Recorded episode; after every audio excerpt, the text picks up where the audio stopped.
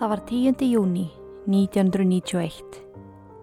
Jaycee Lee sem var 11 ára gömul slökti á vekjaraklökunni sinni.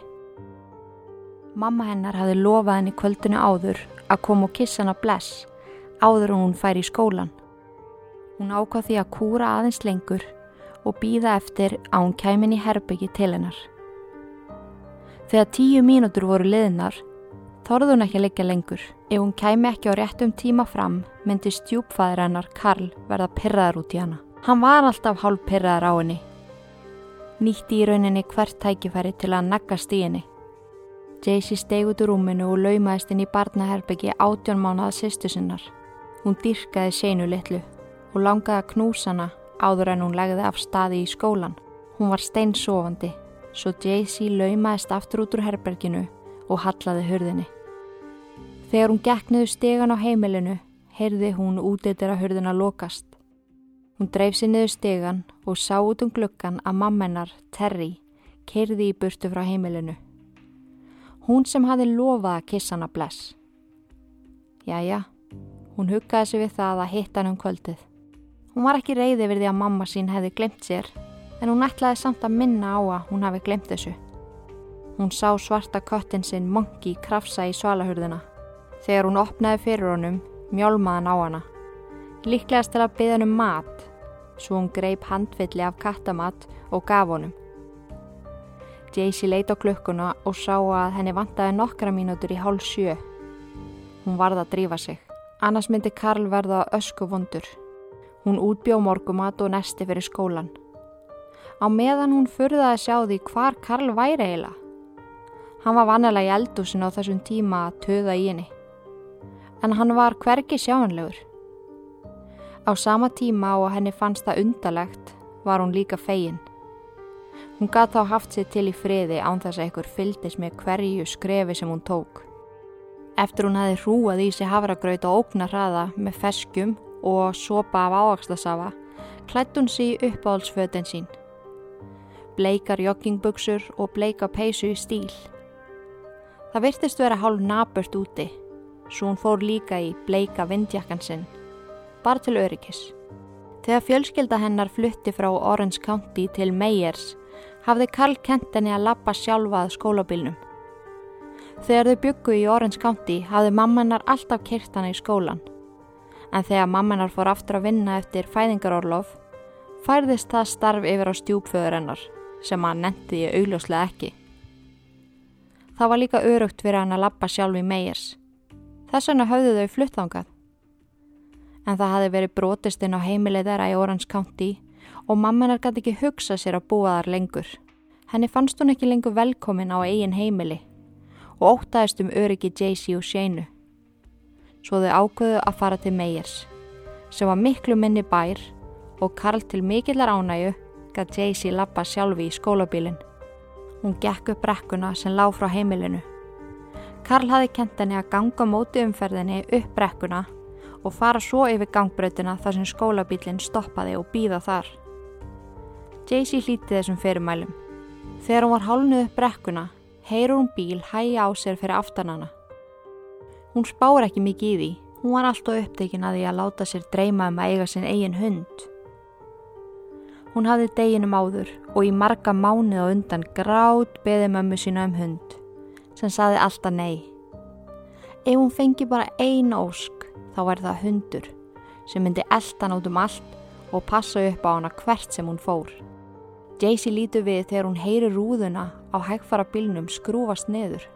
Áður en hún næra snúa sér alla leið, stingur maðurinn sem kerði bílinn höndinni út. Hann hjælt á okkur svörtu. Jaycee heyrir undalegt söð, doða í líkamannum og fellur svo jörðina. Bílstjóri bílsins dregur hann í aftursætið og brunar í burtu. Ef hann bara vissi að Karl var vittni af þessu öllu út um eldursklukan.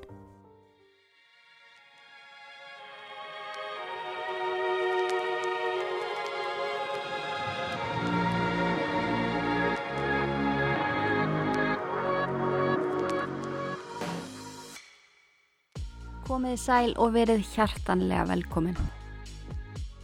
Ég ætla að fá að henda einni pælingu svona út í kosmosin. Ég veit ekki hvort að þið gerir eitthvað grein fyrir þessu, en þið, sem eru að hlusta á nákvæmlega þennan þátt, eru að gera mér kleift að búa til meira efni. Hafið spáðið því?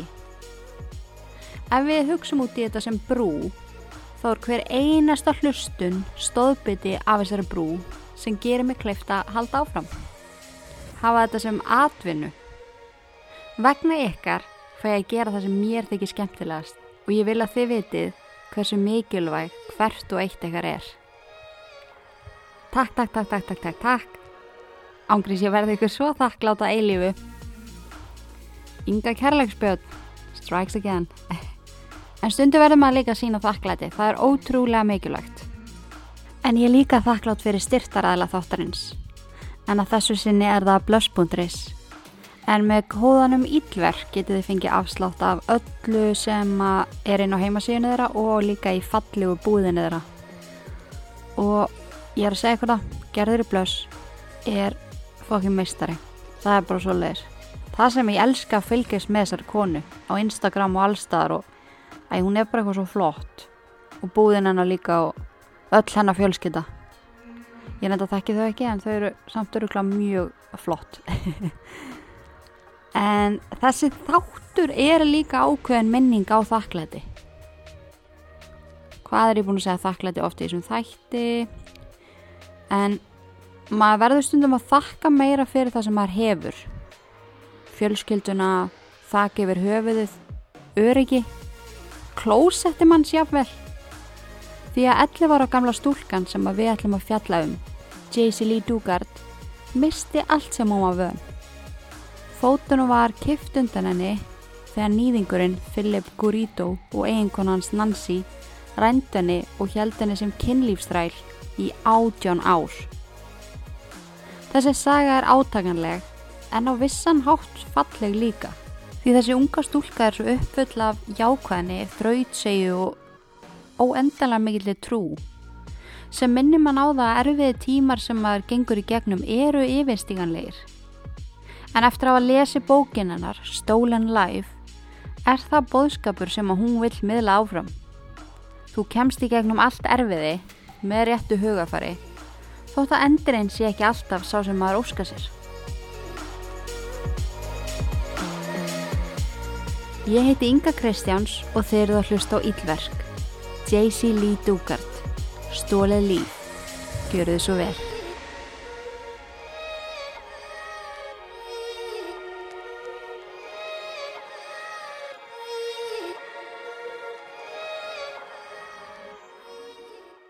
Dugard fjölskyldan flutti frá Orange County til Meyers árið 1990.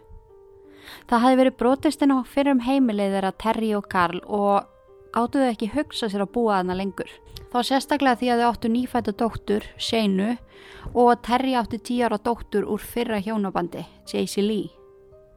Þau vildu tryggja dæturum sínu um öryggi.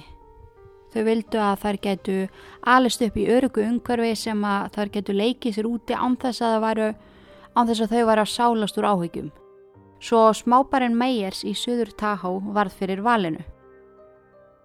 Þann örlaðaríka morgun, 10. júni 1991, var lífið þeirra hins vegar snúið á kvolf þegar dóttur þeirra Jaycee var rænt á leiðsinni að skólastoppinu. Jaycee hafði lagt að staðfrega vonsveikin þennan morgunin. Mammanar hefði lofað henni því deginum áður að kissa hana bless, en þurfti að leggja af stað fyrr í vinnuna vegna verkefna sem að höfðu hrannast upp en Daisy hefði ymmið þurft ekstra mikið á henn að halda akkurat þarna. Henni kveið svo gríðarlega fyrir vettvangsverð sem átt að fara fram á vegum skólans nokkurundugum setna. Hún var svo ótrúlega feimin og meðvitið um að kynþrökkarskeiðið væri að gera vart við sig. Hún hafði ætlað að spyrja mömmu sína hvort að hún mætti raka sig undir höndunum og leggjónum fyrir ferðina. Því partu ferðarinnar átt að fara fram í vassrænibrautagarð og hún gæti ekki hugsa sér að allir segja hárin sem að voru að fara hann að vaks út um allt. En þráttur að hafa mana sér upp í það í marga daga að spyrja mömmu sína, hafði hún ekki þóraði. Henni fannst þetta svo vandraðalegt. En þennan tildagna morgun hafði hún innilega þurft á kvartningu að halda frá mömmu sinni.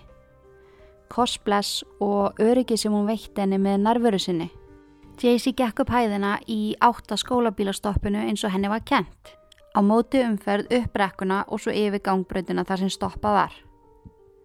En hún komst aldrei alla leið þar sem nýðingurinn Philip Gurito stoppaði við hliðinar og velti henn um koll með stuðbissu. Hann dró hana meðvindundalösa inn í aftursæti bílsins og brunaði af stað. Þótt Karl hafi ekki verið viðstattur þegar Jaycee yfirgaf heimilið þennan morgunin því að hann var hann í bílskur, hafði hann gengið inn í eldús fljótlega eftir að hún skellti á eftir sér útidyrahurðinni. Hann hafði farið út í eldúskulluga og fylst með henni gangu upp rekkuna og síðan orði vittni að því þegar Philip tók hann upp í bílinn. Um leið og Karl sá í hvað stemdi, hljópan út úr húsinu og hjólað af staðins hratt og fætunni tóðan. Fjölskyldan átti bara eitt bíl, en Terry hafði farið á honum í vinnuna. Hjólið hjælt ekki yfir bílinn og bráttar Philip á baka burt með stjúpdóttur hans, meðvutundalösa í aftursætinu. Karl var ekki svo eini sem var vittni af hvarfi Jaycee. Heldur sáu krakkanir í skólabílnum sem var rétt á komin verknaðin frá upphafi til enda. Þau höfðu gert skólabílstjórum viðvart sem að reyndi að taka uppeyju á ógnarhraða en allt kom fyrir ekki. Jaycee Lee var horfin og engum grunaði hvað örlög beðu hennar. Þegar Jaycee rankavissir í aftursæti bílsins er hann alveg ofsalega heitt. Hún er öll sveitt og líka minn styrður. Hvar var hún eiginlega? Hún fann það líka að hún hefði pissað í sig. En það ángraði hann ekkert. Það sem ángraði hana var þetta sjóðheita teppi og þingslinn sem voru ofan á henni. Hún þorði ekki að segja orð. Hún hlustaði bara. Hún fann að hún var greinilega á bíl sem var á ógnar hraða. Það var líka eitthvað sem að hjælt henni niðri undir teppinu og hún heyrði mann hlæja í framsætinu og gorta sig á því að hafa komist upp með þetta. En hvað nákvæmlega? Hvað komst þessi maður eiginlega upp með? Filip var að gorta sig við eiginkonu sína, Nancy. Hversu auðvelt þetta var og hversu geggja þetta erði fyrir þau. Hann hló og grínaðist og Nancy satt aftur í og hjælt Jaycee tók undir.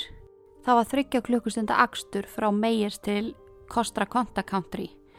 Ekkert stoppa að tekja á leiðinni en það ekki örugt að stoppa með stolna litla stelpu í bílnum.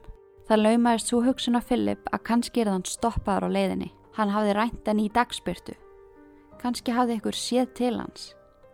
Hann held samt ótröður áfram, unnstu komu á áfangastað. Þegar teppi var loksins tekið af höfði Jaycee og henni tjáðaðu voru komin, fann hún fyrir miklum létti. Samt bara því henni var orðið svo heitt. Hún spurði parið hvar hún væri og hvort hún mætti ekki fara heim. Þau sögðu henni að ef hún erið þæg myndi allt fara vel. Hún þurfti ekki að hafa neinar áökjur.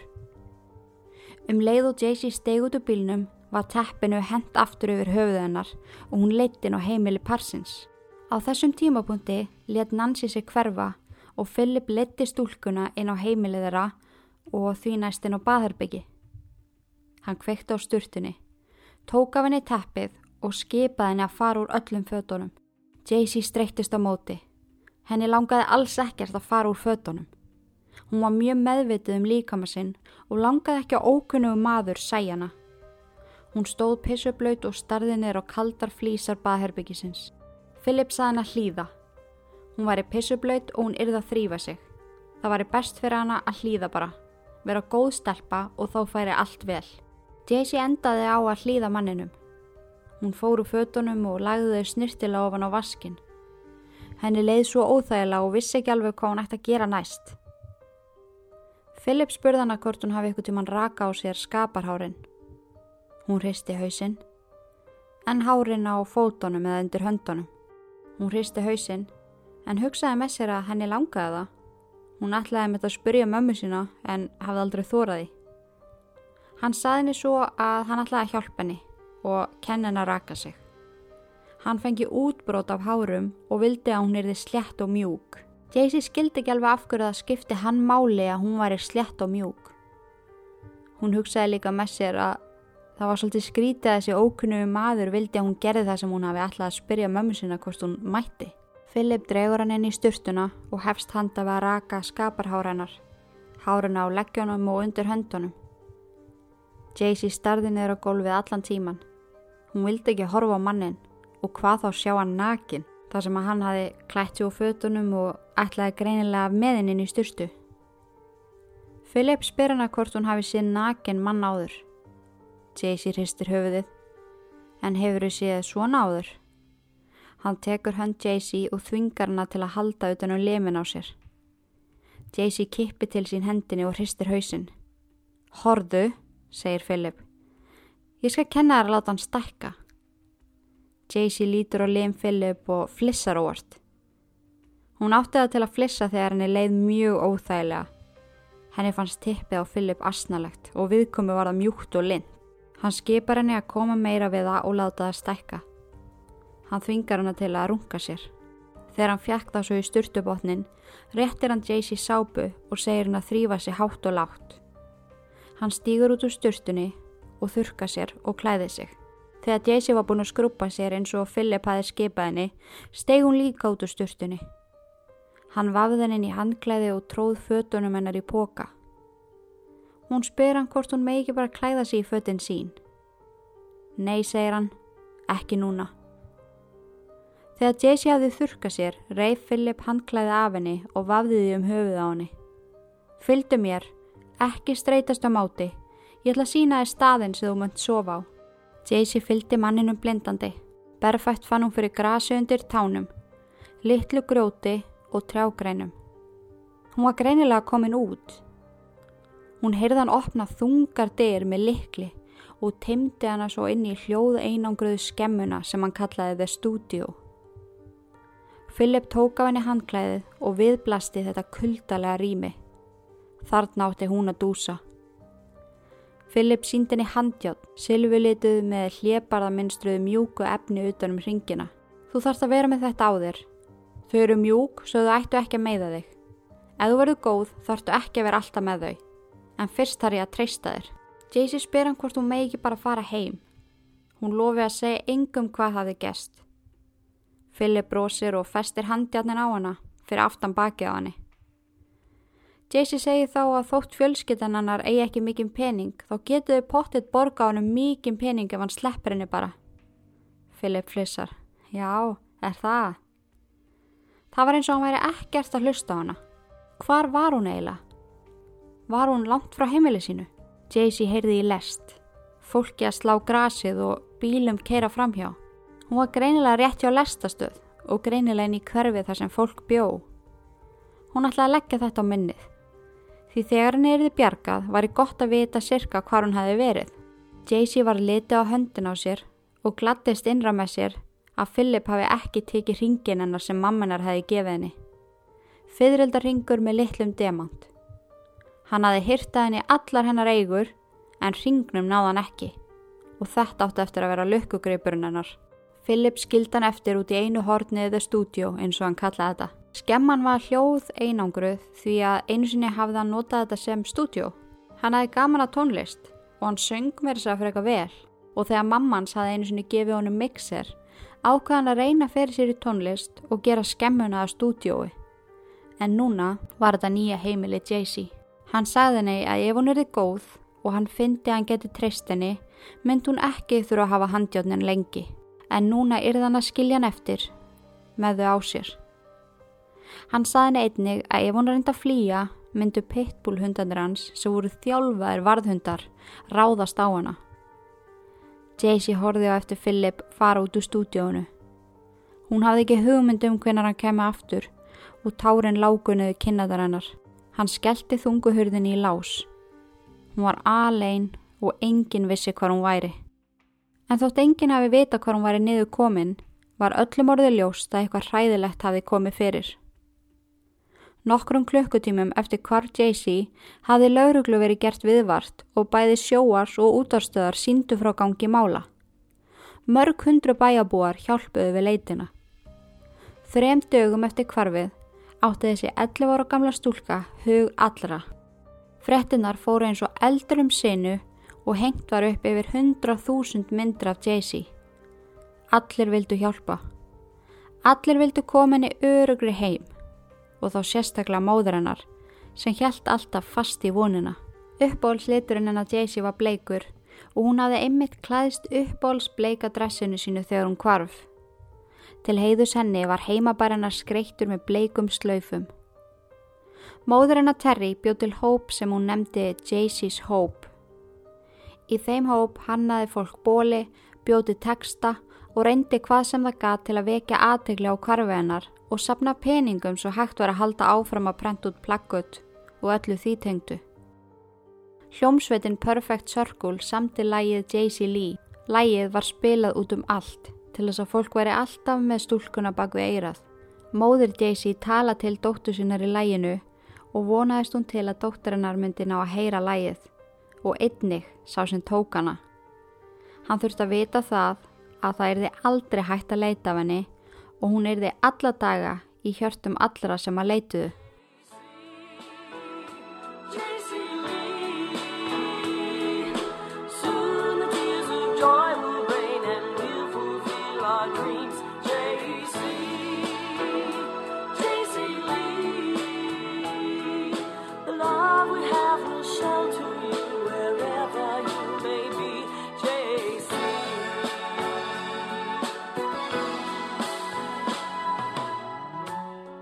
Listen to your heart, baby, and hear me say that every minute of every day, every moment, in every way, we are with you, JC. You're in our thoughts, you're in our prayers, and we won't rest until you're home, until you're safe, and in the arms of the ones that love you.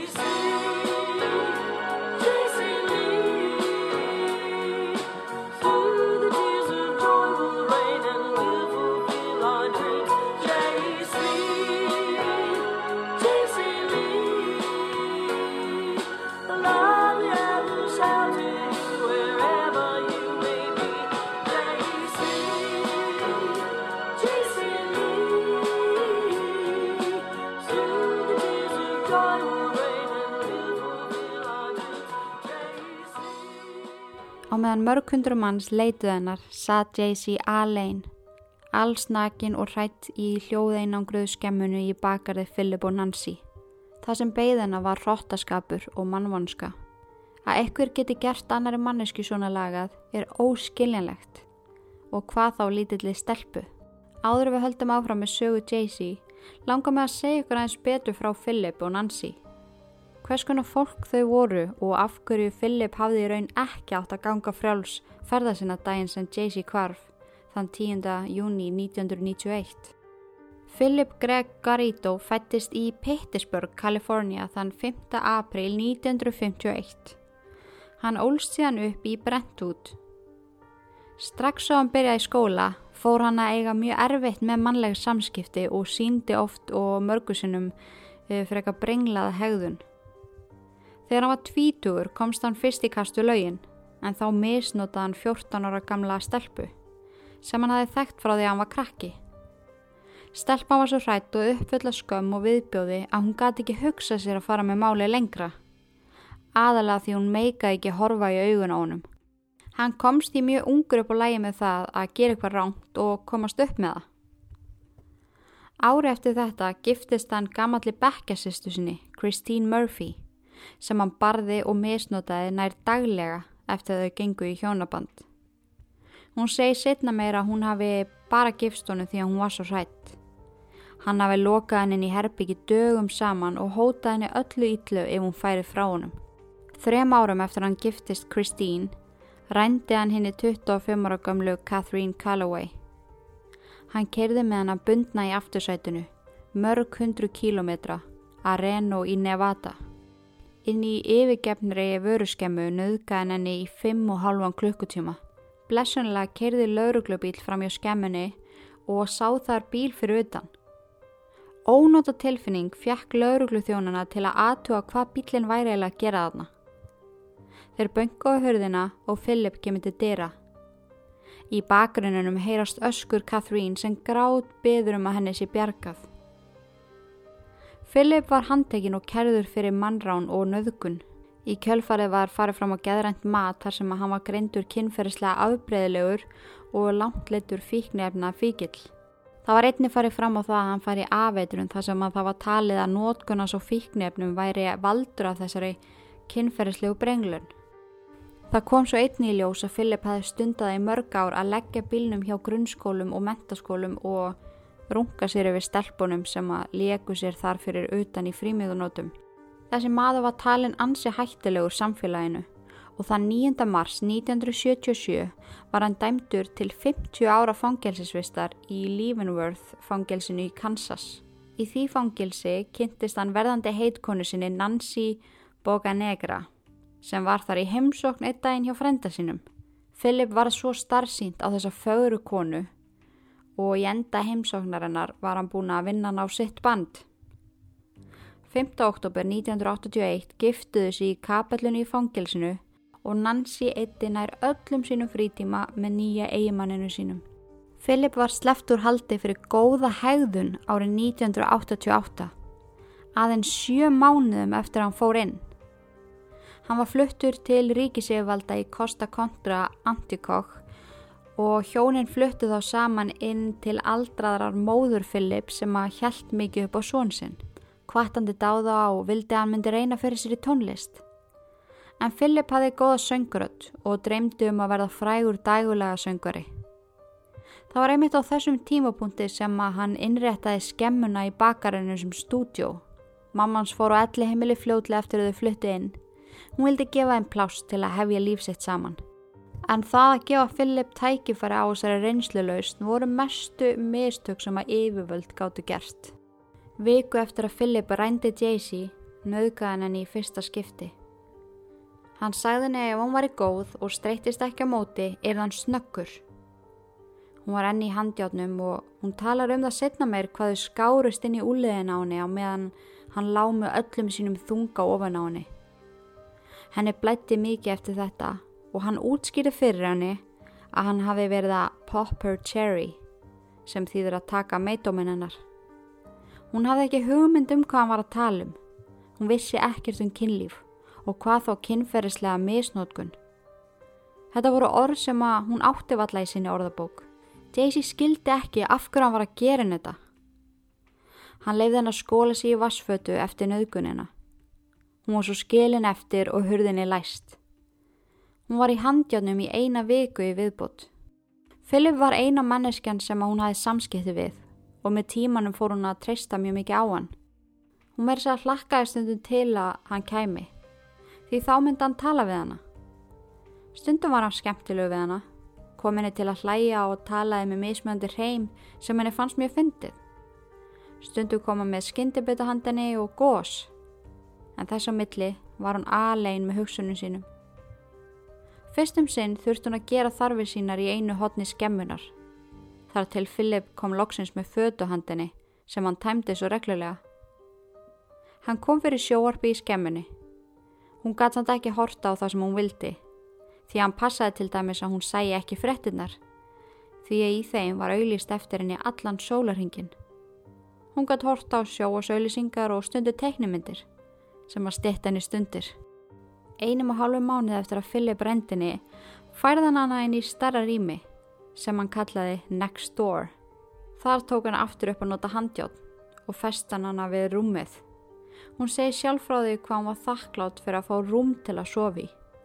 Þótt að það hefði verið óþægilegt að sofa með þessi handjátt alltaf á sér, þá var svo gott að geta lagst niður á mjúka dínu. Philip saði hann að englarnir í höfðina á hann hefðu sagt honum að taka hana. Hún geti hjálpa honum með kynferðislega vandamáli sem hann var með. Samfélagi hafi alltaf hunsaða að honum vantaði hjálp og hún var í svo eina sem geti hjálpa honum.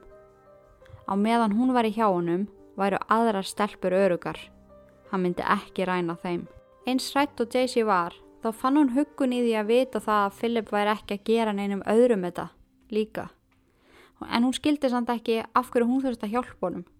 Gæti hann ekki bara að hjálpa sér sjálfur? Reglulega komu tímabil sem að Philip kallaði runs. Þessi tímabil inniheldu gríðalegt magna á amfetamíni. Daisy hataði þetta, en þá neittan hana til að klæða sig upp og mála sig.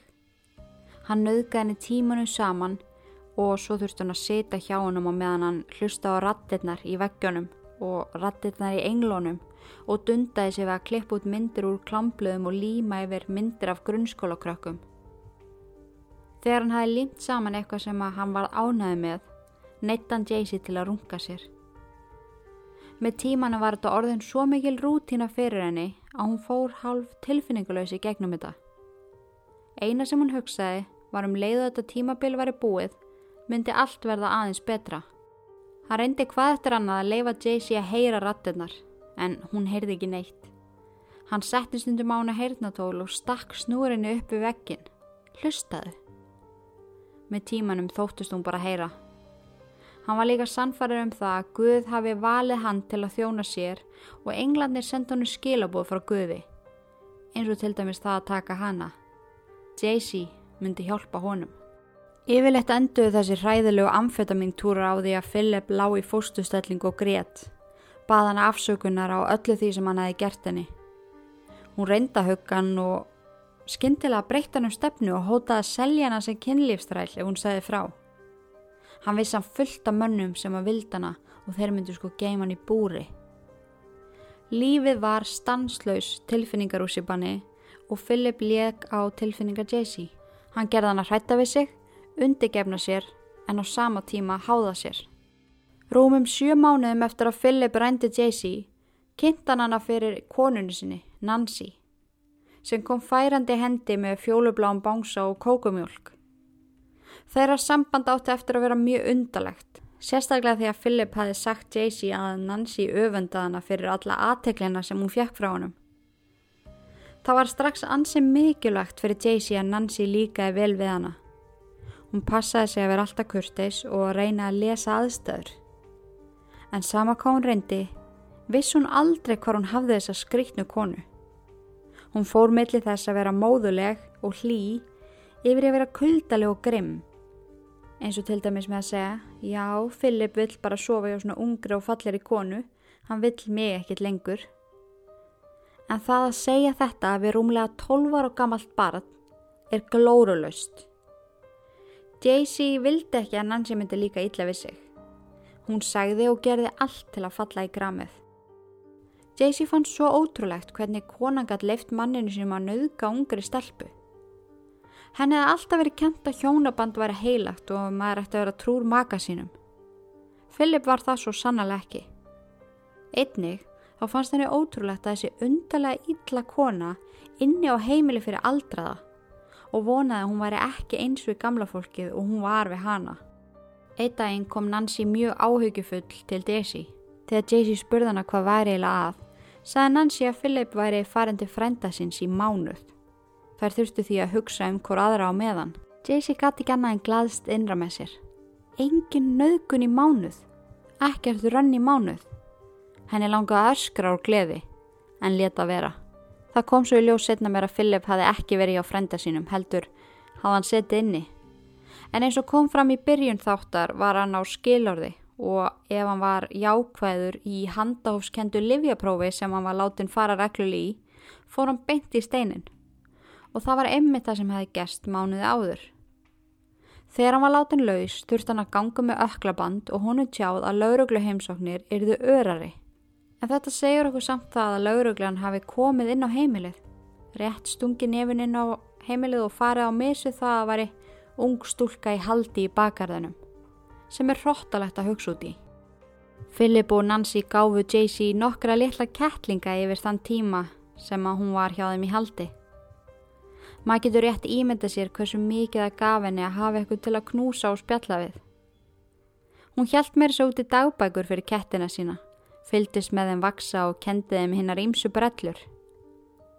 Þegar Jaycee var orðin hendkísunum voru það svo teknar af henni, því Philip þóldi ekki lyktin af kattahlandinu. Það brítu bókstali í mig hjartað að hugsa til þess að hún hafi þurft að láta frá sig kísurnar sem hún elskaði svona mikið.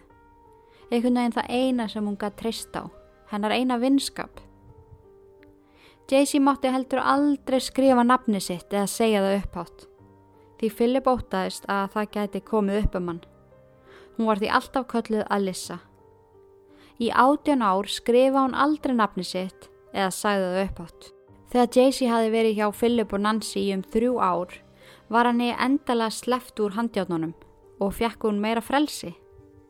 Hún hafi líka margóft sínta að hjónin gáttu treystinni og loksins fór það að borga sig en þann 3. april 1994 á páskadag þá eldaði Nancy fyrir Philip og Jaycee mjög fína máltíð. Þau settust öll sama við borðið eins og gerfi fjölskyttan sem þau voru og, og snættu. Philip sagði svo við Jaycee að hann þurfti aðeins að tala við hana. Hann snýri sér aðinni og sagði við hana Ég hef tekið eftir að þú verður aðeins feitnað. Jaycee fór strax að afsaka sig. Æ, já, ég veit, æ, mér er búið að vera svo illt í maganum og bakinu og stundum á ég erfitt með að standa upp. Fyrkjaðu, ég skal borða minna selgeti. Nancy sagði þá þvert yfir borðið. Þú ert ófrísk, Jaycee. Hún var þarna 13 ára gömul og það eina sem hún hefði lært um kynlíf og meðgöngu var í gegnum sjóasefnið sem hún horfði á. Þegar ég hlusta á bókinarar þá kom það aldrei fram að hún hafi orðið hrætt þegar hún komst að því hún var í ólétt eftir Philip. Það var líklegast frekar óraunverulegt fyrir henni og á sama tíma var hún þakklátt að núna er hún aldrei einmanna lengur. Philip leiði fyrir hann á spólur á videolegunni með alls konar kennsleefni um bars uppeldi og síndi neittni vídeo á fæðingum. Fyrir 13 ára barn hefur þetta líklegast verið hálf skelvilegt að horfa á. En þann 18. ágúst 1994 fættist fyrsta dóttirinnar, Angel. En Jaycee fekk enguðar á það þegar koma nafninu og Angel skal að vera. Philip tók á móti barninu ásand Nancy sem var hjúkuruna konað ment. Þrátt fyrir allan viðbjörn sem að Jaycee fór í gegnum þá var Angel það besta sem hefði komið fyrir hana. Það að vera móður kom ótrúlega náttúrulega hjá henni.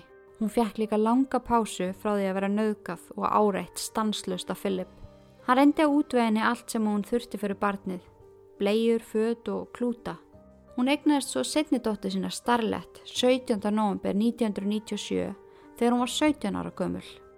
Á þessum tíma hafði Philip stopnað fyrirtæki þar sem hann tókaði sér að prenta nafnspjöld, kort, boðsbrif og fleira fyrir fólk. Hann kefti sér prentara á tölvu og setti upp litla skrifstofu. Hann fekk Daisy að klippa át spjöldin en fljótlega hafði hún nánast tekið yfir fyrirtækið. Hún vann rætt og var fulla metnaði. Hún elskaði að hafa eitthvað að gera. Þarna lærði hún líka fyrst á tölfur og á netinu fann hún fullta efni fyrir dætu sínar. Henni langaði að kenna þeim stafina, tölunar og litina. Þegar stelpunar auðvitað eldri sett hún á stað prógram fyrir þær. Þá voru þær í skólanum frá 10-2 að læra upp úr námsefninu sem hún hefði fundið fyrir þær á netinu. Núna eru pottet mjög margir eins og ég hugsaði fyrst að veltaði fyrir sér af hverju hún nýtt ekki aðstöðu sína og leitaði hjálp í tölfunni. En Philip náttúrulega bara hafði hrætt hana með því að segja að allt sem hún gerði á netinu var í trakkað og hann kæmi staði strax og hún þorði því bara ekki. Hún var skítrætt með mannin. Hann hafði 100% valdi yfir henni. Eitt daginn kom Philip mjög alvarlegur til Jaycee á svip og sagði henni að Nancy væri mjög þunglind og greti bara. Þegar hún spurði hvað amaði lað sagðan henni að hún væri svo leiði við því að hafa aldrei eignast börn og hún öfundaði fjölskylduna sem að hann og Jaycee hefðu byggt. Það yrði því betra fyrir alla ef að Nancy yrði núna köllu mamma og stelpunum komið í skilning um að hún sé mamma þeirra og Jaycee sé eldri sýstu þeirra. Jaycee fann tárin spretta fram, en hún var mamma þeirra, það var hún sem fætti þær. En hún fann samt að sama hún sagði myndi Philip snúa út úr en hann hafði einstakt lag á því að láta allt sem að hún sagði hljóma ránt og allt sem að hann sagði hljóma rétt. Jaycee sagði að hún skildi hjálpa með þetta og nú skildu stelpuna framlegis bara kalla hana Alyssa. Það var auðvitað erfitt fyrir hana að leiðrætta stelpunar í hvert sinn sem að köllu á hana. Mommy. Nei, ég er ekki mamma, ég er Alyssa, stóra sýstur ykkar. Þetta var svo þannig á tímabili að fjölskyldan, Philip, Nancy, Jaycee og stelpunar fóru út á meðal almenning saman. Ferðir á ströndina, í maturveslanir og að kaupa född. Jaycee segi frá því í bókinni sinni að henn hefði aldrei liði jafn einmanna og þegar hún fór út á meðal almennings. Og það er ótrúlega auðvelt fyrir okkar að hugsa. Gaur, akkur öskraðar ekki með bara öllum lífs og sála kröftum hverðu værir? Akkur er hljóst ekki burtu? Akkur gerður ekki þetta og akkur gerður ekki hitt? Þetta er svo auðvelt fyrir okkur að segja. En ég held að þegar þú ert búin að vera háður einum einstakling svona, í, svona ótrúlega lengi þá þorir ekki að gera neitt til að erga eða særa viðkomandi. Hún segi frá því að þegar hún var á meðal almennings hafi henni liðið eins og hún væri algjörlega ósýnileg. Manneskja sem að enginn þekkti og mátti ekki nota nafni sitt. Og þegar hún var úti þá þráði hún ekkert meira heldur en að fara bara aftur heim í tjaldi sitt sem að Philip hafði nýverið reist fyrir hana. En það er best. Það var bara það sem hún þekkti og þá gæti hún tala við kettina sína og dætu sínas. En þarna hafði hún yngar öll og öllum var sama. Þannig allan að leið henni. En mér langar svolítið að lýsa fyrir ykkur bakarinu sem að Jaycee bjó í. Maður áða eitthvað neginn til að ímynda sér eitthvað ákveðið þegar maður heyri svona frásagnir og fyrst ímyndaði ég mér rúmgóðan garð með svona snirtilegu, snirtilegum verkfæraskúr. Æskilið eins og er ofti í svona bakarðum, svona verkfæraskúr sem er eins og kofi sem maður leik sér í þegar maður lítið. Ég sá það eitthvað neginn fyrir mér. En þetta var svo innilega ekki þannig. En ég mun líka setja myndir af þessu á Instagram en bara svo ég segi ykkur í stuttumáli þá leiti þetta mjög mikið út svona eins og heimili á horter. Íbúðarhúsið lág svona upp við göttuna og huldi alveg gardin sem var baka til og síðan lukti gardin, umlukti gardin svona risastór tríi og hágirðing sem að Philip hefði reist. Svo að það var alls ekkit auðvelt að sjá inn í gardin. En setna með reyndar þegar þetta kemur allt í ljós þá sögðu nágranna Philip og Nancy frá því að þau hefðu séð stelpunar út að leika sér og ekki fatta tenginguna fyrir en allt kom í ljós sem er mjög creepy. En síðan stóð skemman þessi hljóð einangraða sem að allir kölluði stúdjó rétt fyrir aftan húsið. Philip endaði svo á því að reysa stórt tjald fyrir Jaycee og stelpunar og þar mátt hún vera nokkuð frjálsferða sinna og fara inn og út úr tjaldinu en hún mátti bara vera inn í gardinum. En þið verðið að googla myndirna af þessu. Þið getið sé myndir sérst, innan úr tjaldinu sem að hún bjó í stúdjónu og heldamind af gardinum. Þetta setur það svo skýrt upp hvers konar hrylling hún þurft að búa við og með tímanum bara sætta sig við þetta. Þessar myndir eru bara jákið til orð.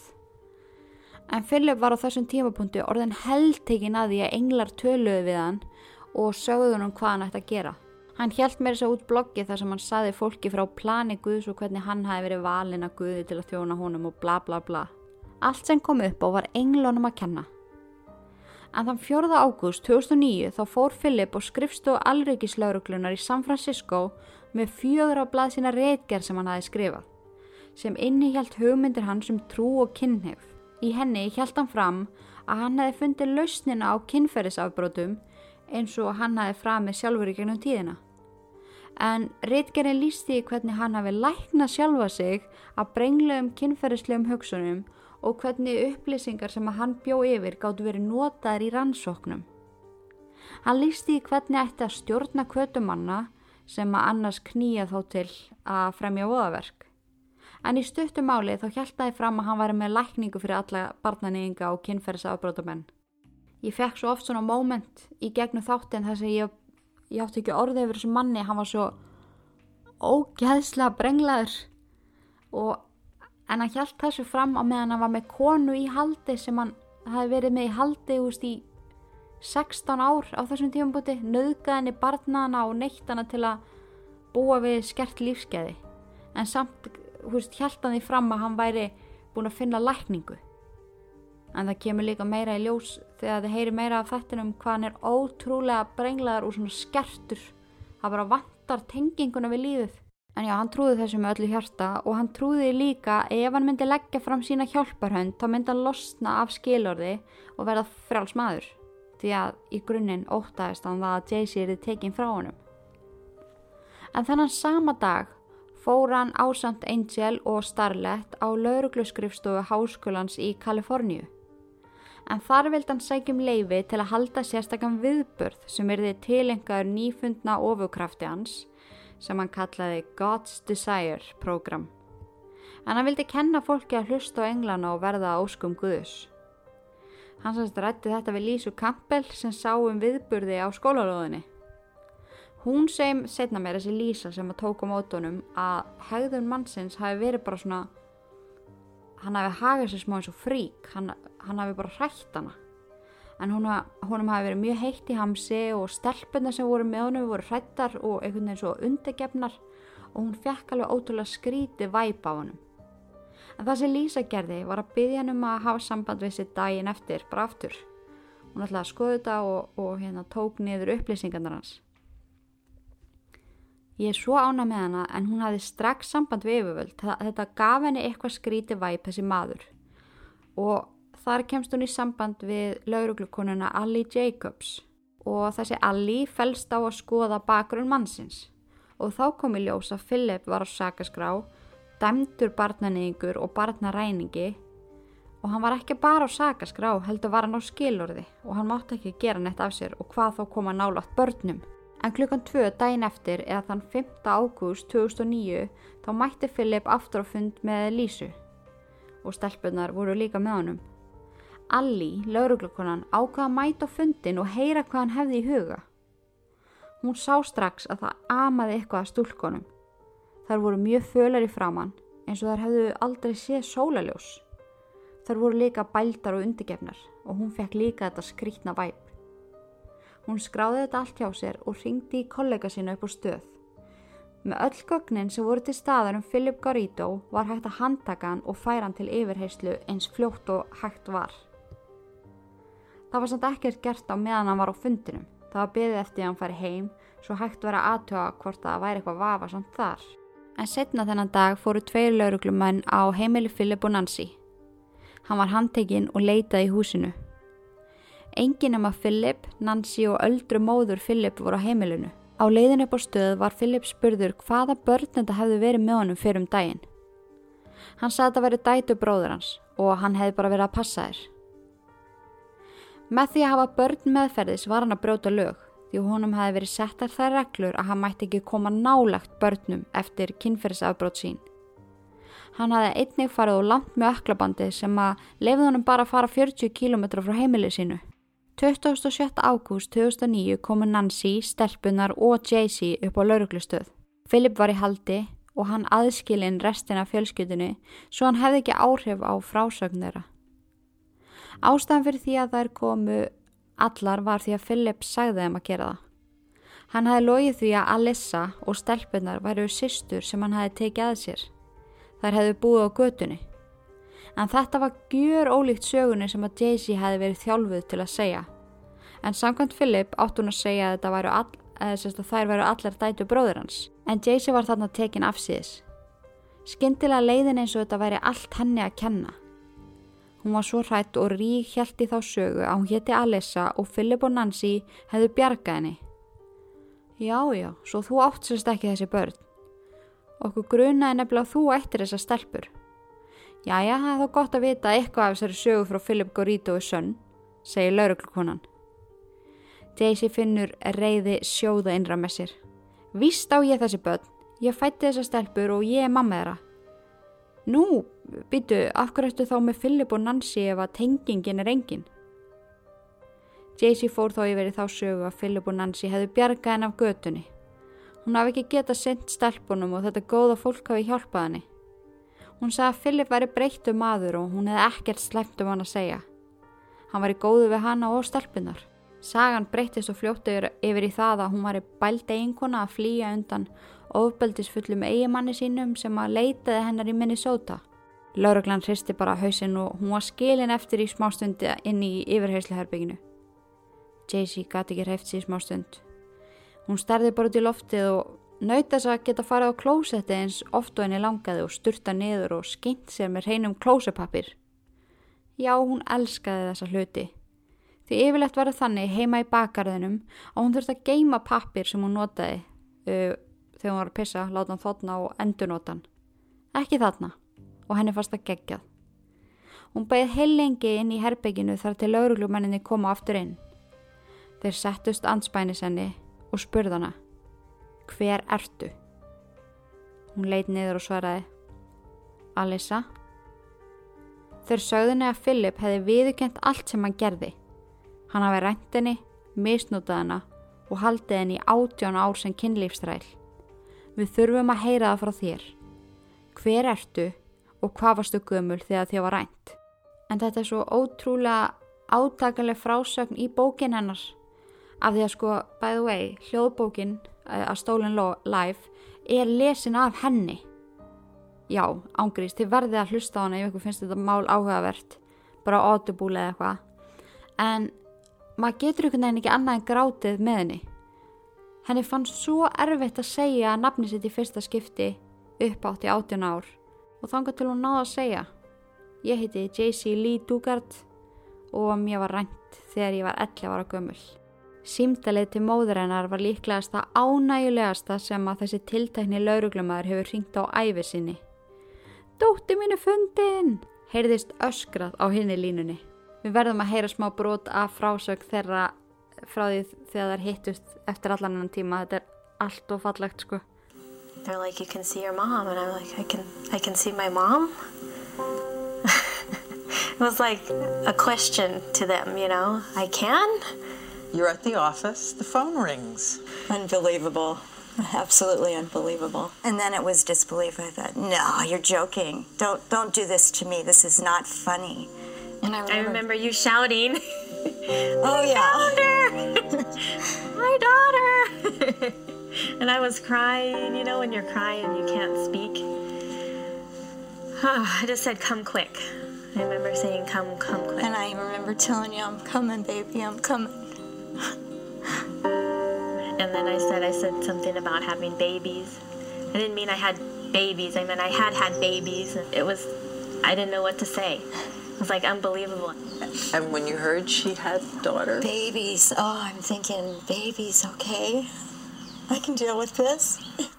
Those babies were by now 15 and 11. The first night, the police officer let them stay in a motel. JC wants her mother and sister so much she can't sleep. I woke the girls up and I just said, I'm so happy. I'm so happy. I'm like, I can't wait anymore. I don't care if they're sleeping. And so I ran down the hall. I forgot the motel key. I walked in. I'm so happy. I'm so happy. Eftir að ídaleg leit var gerða á landaregn Philip og Nancy komst í ljós heil veröld af viðbjóði. Upptökur af ungum börnum sem að Philip hafði tekið, þar á meðal af Jaycee og einni vídeo af börnum og leikvelli sem að Nancy hafði tekið. En það var átakanlegt að sjá hvernig Jaycee hafði lifað í allan ennan tíma með stelponu sínum. En Philip var á öðrum máli. Hann viðkendi að hafa hagað sér viðbjóðslega fyrst en síðust árin með Jaycee, Angel og Starlet hafi verið fullkomin. Bestu aðstæður til að upp börn. Í réttahöldum yfir Philip og Nancy reyndan að kalla til Jaycee, brosa til hennar og blikkana. Þetta var hans síðasta tilraun til að hafa vald yfir henni. En hún var staðræðan í því að gefa honum ekki eina sekundu að lífi sinni viðbútt. Philip Gurito var dæmdu til 400 ára fangelsisvistar og Nancy til 38 ára. Það er svo áhugavert líka að dómarinn segir bara vá hvað ég væri til að dæma því svona þúsundar af fangelsi ef ég gæti. En fyrst þú játaðir þá verði ég að gefa þið 400, það verður að döga. En það er eitt sem ég verð líka að taka fram núna. Hún var í 18 ár fangi í bakarðinum á heimili Philip og Nancy. Philip var dæmdur kynferðis afbrótamaður og stanslust fylgst með honum. Yfir öll þessi 18 ár býði núna aðeins. Yfir öll þessi 18 ár voru 62 heimsóknir af lauruglu framkvæmdar og heimili Philip. Þar sem húsið var grand skoðað. Hann tekin í livjapróf og aðtöða hvort það væri ekki allt með feldu. Í 62 skipti spáði því á meðan þá dúsaði Jaycee út í gardi. Í 62 skipti hefði verið hægt að bjarga henni ef að það hefði bara verið nægilega góð leit framkvæmt. Eftir að Daisy komst í leitina var þessum upplýsingum tekið mjög alvarlega. Fjölskyldan hennar fór í mál við ríkið og kraðist bóta fyrir þennan gríðalega skada. Og þetta er líka bara skada sem er ekkert hægt að bæta upp. Lífin henni var bara stólið á, bara kift undan henni fótunum. Hún misti á úlingsárunum, mentaskólum, fyrsta skiptinu sínu með ykkurum sem hún elskaði, fyrsta kossinum, bílprófi og hún fór einhvern veginn bara úr því að vera 11 ára í það að vera fullorðin kona á einu sólaring. Og það er algjörlega fáralegt að maðurinn hafi ramblað um frjáls ferðar sinna í allan annan tíma. Ég bara, ég fekk sjokk því ég sá þetta að það voru, þetta voru svona welfare checks, veist, það var lögurlega komin að heimili og fara yfir allt svona, svona eins og badnavendanemnd gerir. Skiljiði mig, minnst það magna, þeir fóru aldrei út í bakarð. En Philip og Nancy fengu örlögin sem að þau áttu skilið og Jaycee þurfti aldrei framar að horfa framann í fólkið sem að stað lífennar. Hún neitaði líka alltaf að vera reið og betur sem að mér þykir ótrúlega magnað því að veist, hver væri ekki ótrúlega reiður og betur. En hún segir að ef þetta hafi ekki gerst þá hefði hún aldrei eignast stelpuna sínar og í rauninni myndi hún aldrei vilja taka einu myndu tilbaka því að þetta gera hana manneskinu sem hún er í dag. Hún neitar að vera reið og betur því að hún vill ekki gefa Philip meiri tíma. Framtíðin er hennar og hún vill eigða henni allt það sem að henni þykir skemmtilegt. Mér finnst þetta svo geggjaður hugsunaráttur. En síðan Jaycee kom í leitunar hefur hún vitalega þurft gríðala mikla aðstóð við að aðlaga slífinu upp á nýtt. En hópur fagaðilega umkringdana ástóðu mikið og er að hjálpa henni daglega. En hennar hugleisla er að þjálfa hesta og sinna þeim. Hún fór mjög fljótlega í það eftir hún komst aftur út í heiminn. En Jaycee ber ótrúlega mikla ást til dýra og ber mikla virðingu fyrir þeim og þið munið heyra það ótrúlega svona skýrt eða lesi bókin hennar.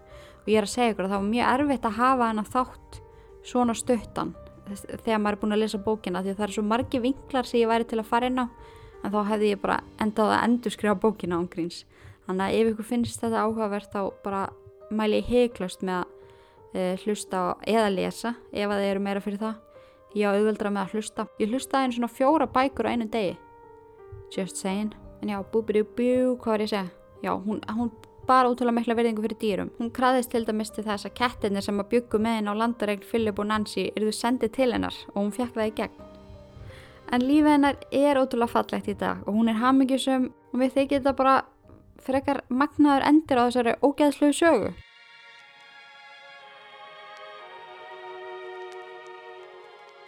En það kemur upp ansi áhugaverð pæling í þessu máli sem að mér finnst alltaf mjög áhugaverð að velta fyrir mér. En tilfinninguna sem Jaycee bar til Philip, hvernig hún varðan, passaði alltaf upp á hann og gerði allt sem hann saði hann að gera. En þetta kallast Stockholm syndrom og ég hlakka mikið til að deila með ykkur fæslu sem kemur innan skams inn á ítlerk.is um ymmi það. En Stockholm syndrom er í stuttumáli óeðlileg væntum þykja sem að fórnalam ber til aðilans sem að heldur þeim í gíslingu. En endilega fylgis með henn á ítlarkum.is og eða vilja lesa betur en það. Og það eru líka nú þegar komið fullt af skemmtilegum bloggum þar inn á. Ef ég vilja kíkja það. Ég er að reyna að gera ítlark.is meira svona svona skemmtilega. Þannig að þið, þið geti farið þar inn og ekki bara kæft ykkur áskrift. En svo ég kom inn á það þá getið þið kæft ykkur áskrift af uh, auka þáttum í mánuði. En fyrir 990 krónur þá fáið þið 5 auka þætti í mánuði af Ítlark og ups, ég ætlaði að geta að fara að segja að Ítlark.is væri ekki bara síðan til þess að kaupa áskrift heldur líka eitthvað svona til að skoða eitthvað skemmtilegt. En það eru komin alveg fullt af bloggum þar inn og það er mjög margt svona í í bígerð þannig að það er alltaf gerast. Það er alltaf gerast í starfinni það er bara þannig. En ég heldur segjum þetta gott í dag. Þúsund takk fyrir að hlusta takk fyrir að vera til og í guðana bænum forðist öll lítverk nema þetta podcast. Veriði sæl